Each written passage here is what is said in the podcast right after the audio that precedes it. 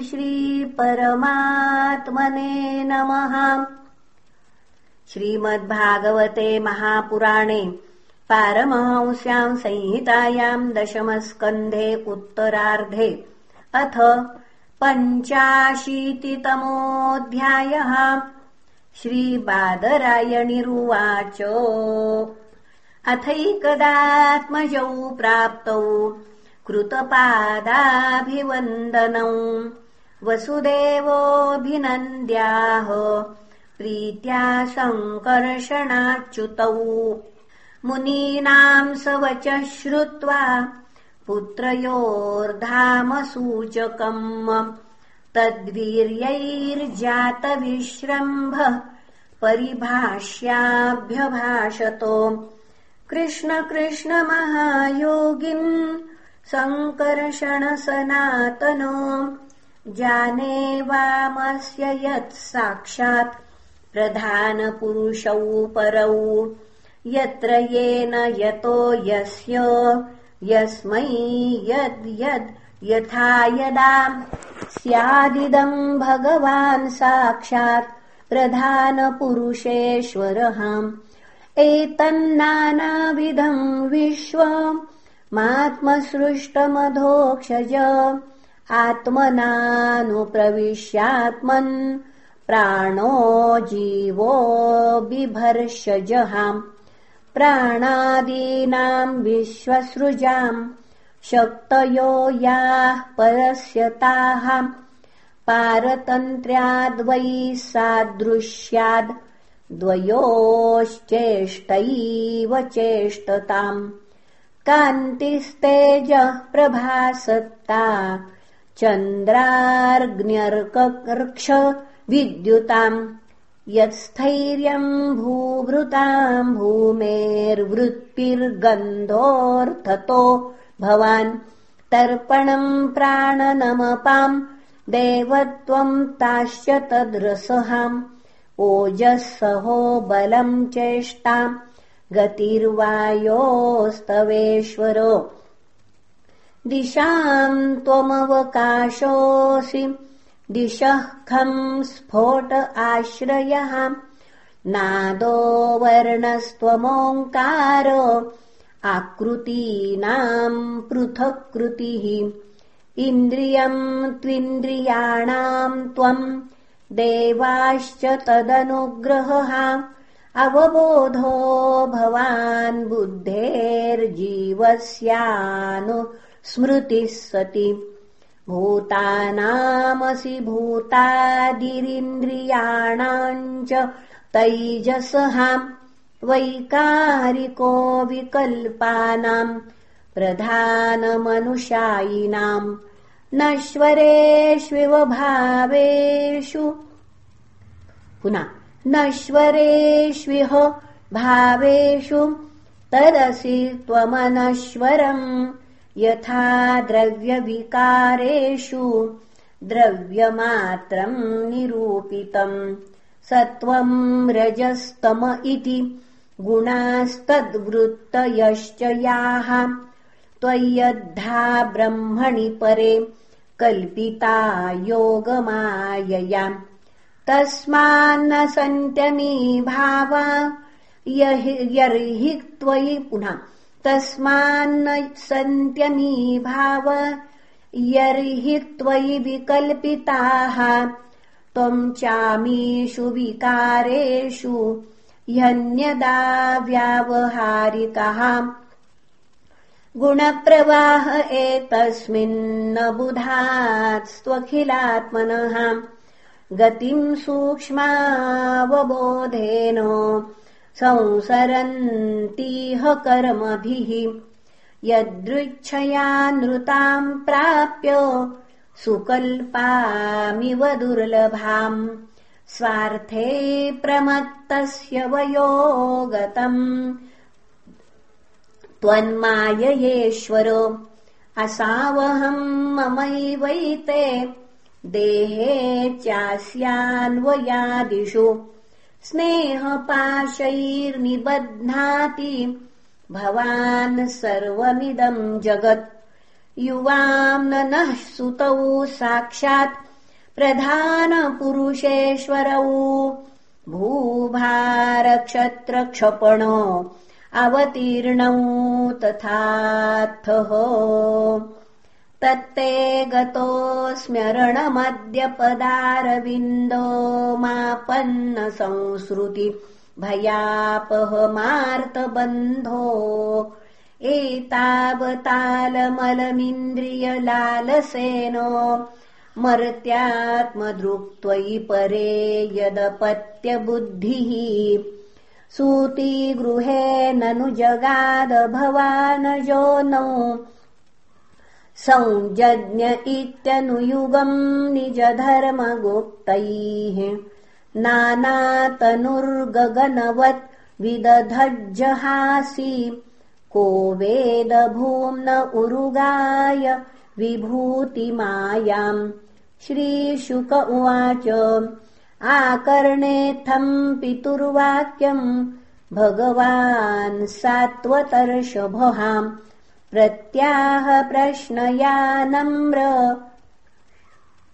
पुनः प्रत्याह प्रश्रयानम्र प्रहसन् गिराम् श्रीभगवान उवाच क्वचो वः समवेतार्थम् तातैतदुपमन्महे यन्नः पुत्रान् समुद्दिश्य तत्त्वग्राम उदाहृतहम् अहम् यूयमसावार्य इमे च द्वारकौकसहाम् सर्वेऽप्येवम् यदुश्रेष्ठो विमृश्या सचराचरम् आत्मा ह्येकः स्वयम् ज्योतिर्नित्योऽन्यो निर्गुणो गुणैः आत्मसृष्ट्यैस्तत्कृतेषु भूतेषु बहुधेयते।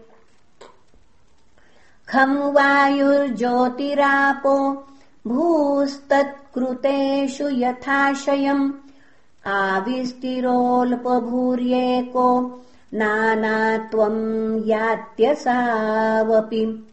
श्रीशुक उवाच एवम् भगवता राजन् वसुदेव उदाहृतम्।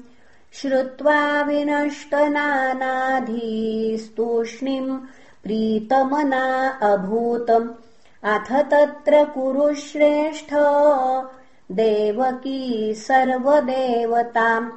श्रुत्वा नीतम् गुरोः पुत्रमात्मजाभ्याम् सुविस्मिताम् कृष्णरामौ समाश्राव्य पुत्रान् कंसविहिंसितान् स्मरन्ती कृपणम् प्राह वैक्लव्यादश्रुलोचनाम् देवक्युवाच राम रामा प्रमेयात्मन् कृष्णयोगेश्वरेश्वर वेदाहम् वाम् विश्वसृजा मीश्वरावादिपूरुषौ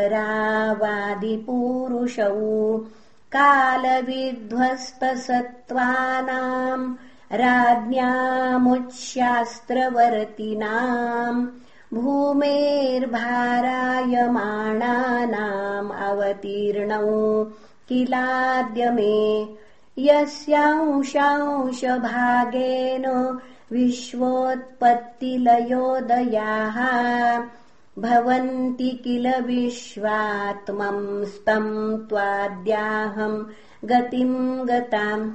चिरान्मृतसुतादाने गुरुणा कालचोदितौ।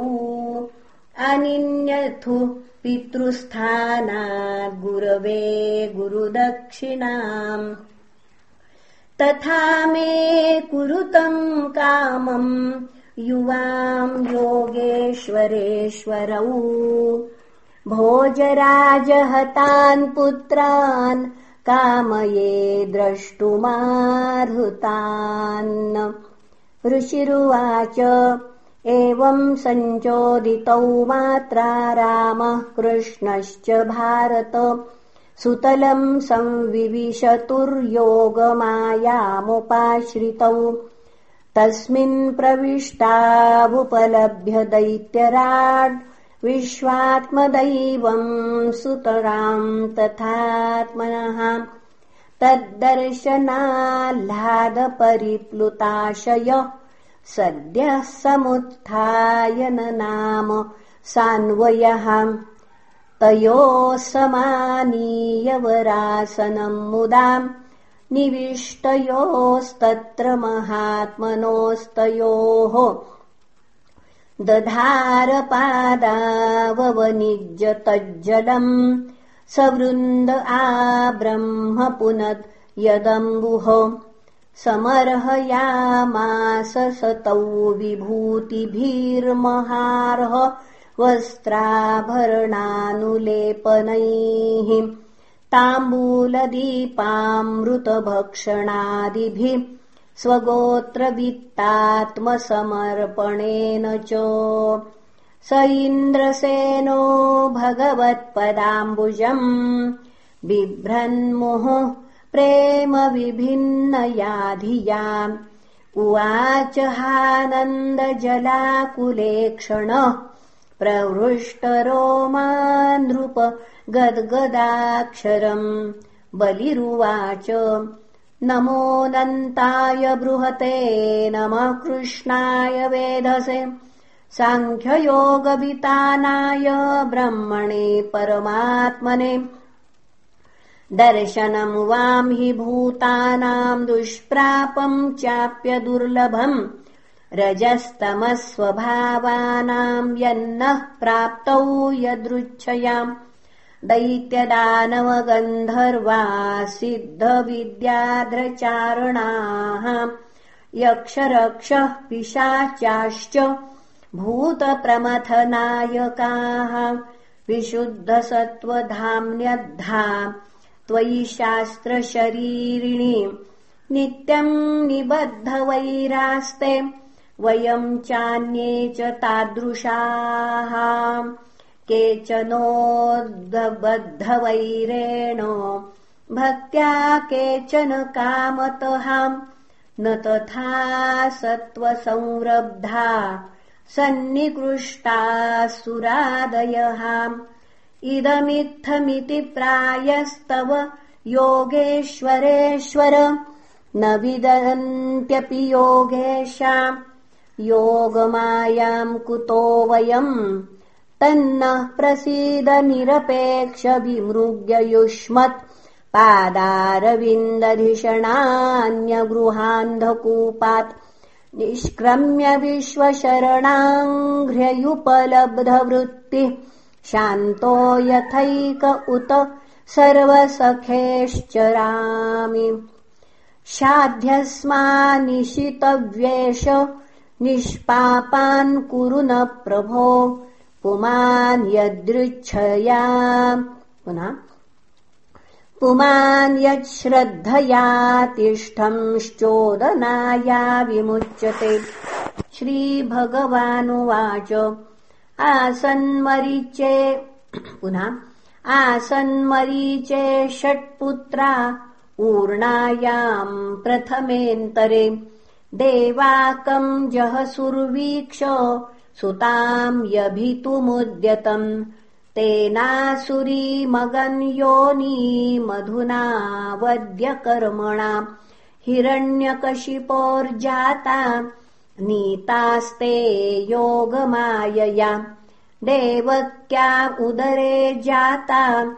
राजन् कंसविहिंसिताः सा तान् शोचत्यात्मजान् स्वांस्त इमे ध्यासतेऽन्तिके इत एतान् प्रणेष्यामो मातृशोकापनुत्तये। ततः शापाद्विनिर्मुक्ता लोकम् यास्यन्ति विज्वराः। स्मरोद्गीतः परिष्वङ्गः पतङ्ग क्षुद्रभृद्घृणि षडिमे मत्प्रसादेन पुनर्यास्यन्ति सद्गतिम्। इत्युक्त्वा तान् समादाय इन्द्रसेनेन पूजितौ। पुनर्द्वारवतीमेत्य मातुः पुत्रानयच्छताम्। तान् दृष्ट्वा बालकान् देवी पुत्रस्नेहस्नुतस्तनी। परिष्वज्याङ्कमारोप्य मूर्ध्य अपाययत्स्तनम् प्रीता सुतस्पर्शपरिप्लुता। मोहिता मायया विष्णोर्यया सृष्टि प्रवर्तते पीत्वामृतम् पयस्तस्याः। पीतशेषम् गदाभृतः। नारायणाङ्गसंस्पर्श प्रतिलब्धात्मदर्शनाः। ते नमस्कृत्य गोविन्दम् देवकिम् पितरम् बलम्। मिषताम् सर्वभूतानाम् ययुर्धामदिवौकसाम्। तम् दृष्ट्वा देवकी देवी मृतागमननिर्गमम्। मेने सुविस्मिता मायाम्। कृष्णस्य रचिताम् नृप एवम् विधान्यद्भुतानि कृष्णस्य परमात्मनः वीर्याण्यनन्तवीर्यस्य सन्त्यनन्तानि भारत। सूत उवाच। य इदमनुशृणोति श्रावयेद्वा मुरारेश्चरितममृतकीर्तेर्वर्णितम् व्यासपुत्रैः। जगदगभिदलम् तद्भक्तसत्कर्णपूरम् भगवति कृतचित्तो याति तत्क्षेमधाम इति श्रीमद्भागवते महापुराणे पारमहंस्याम् संहितायाम् दशमस्कन्धे उत्तरार्धे मृताग्रजानयनम् नाम पञ्चाशीतितमोऽध्यायः। श्रीकृष्णार्पणमस्तु।